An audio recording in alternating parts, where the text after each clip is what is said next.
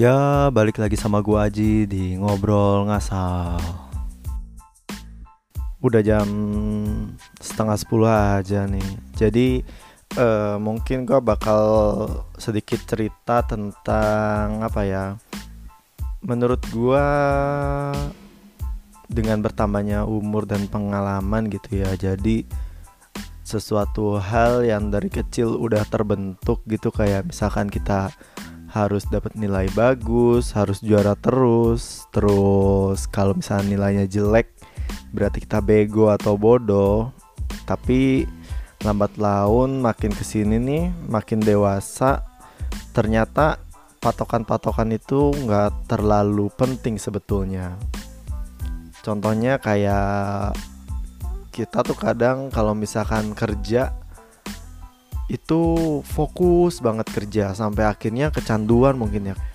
Kerja aja kecanduan gila nggak? Jadi kalau misalkan kita nggak ngerjain sesuatu atau kita gabut itu kita tuh mikirnya kita sendiri adalah orang yang pemalas. Sedangkan orang pemalas tuh identik dengan sampah masyarakat gitu kan. Karena nggak menghasilkan apa-apa. Ya terlihatnya seperti itu Contohnya aja kayak yang kemarin masalah babi ngepet gara-gara orangnya pengangguran tapi banyak duit disangkanya babi ngepet. Padahal kan bisa aja dia kerja dari rumah entah ngonten atau memang jadi freelancer yang nggak butuh banyak keluar rumah tapi dia bisa ngerjain di dalam rumah kenapa enggak gitu kan nah kadang memang orang-orang jadi punya patokan tersendiri untuk menilai sesuatu itu adalah sebuah kesuksesan gitu. Tapi di sisi lain ternyata zaman-zaman sekarang itu banyak juga yang mungkin gara-gara apa sih namanya pembelajaran dari yang dulu itu maksudnya zaman-zaman dulu lah yang tadi gue bilang di awal bahwa sebuah kesuksesan adalah berarti kita pinter di dalam pelajaran matematika sedangkan kita kalau misalkan pelajaran seni kita pinter itu dianggap biasa aja gitu. Nah sekarang itu banyak yang mendobrak bahwa sesuatu yang terlihat membosankan itu adalah suatu nikmat itu.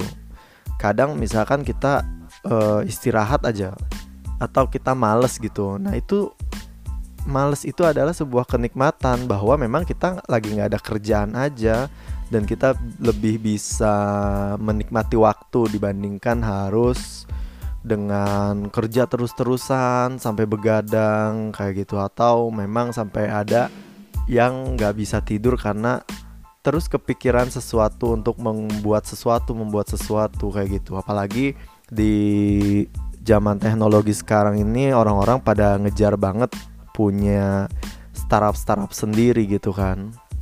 Contohnya salah satunya adalah gua menemukan paradigma bahwa sebuah kemalasan itu adalah suatu nikmat itu karena gue baca buku Slow yang dari Great Mind di mana memang di buku itu banyak ngebahas bahwa kita tuh harus uh, menikmati hidup dengan cara sedikit berna apa sedikit sadar bahwa kita itu bernafas dan hidup di dunia ini gitu.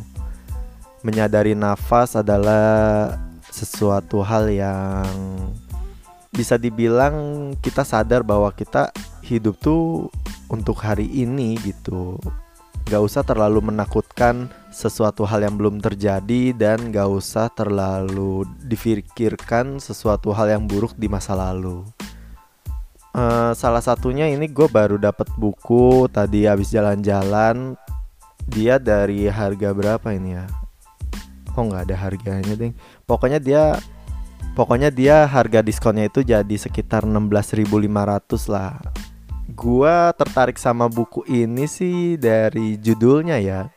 Gak terlalu gue lihat covernya atau kata-kata sinopsisnya tapi dengan judulnya aja tuh gue tertarik untuk beli. Karena apa ya ya menarik aja gitu nama atau judul buku ini adalah merayakan kegagalan uh, ya maksudnya gue kagum aja gitu kadang kan yang harus dirayakan biasanya adalah sebuah kemenangan, sebuah pencapaian gitu. Sedangkan di sini sebuah kegagalan pun bisa dirayakan gitu.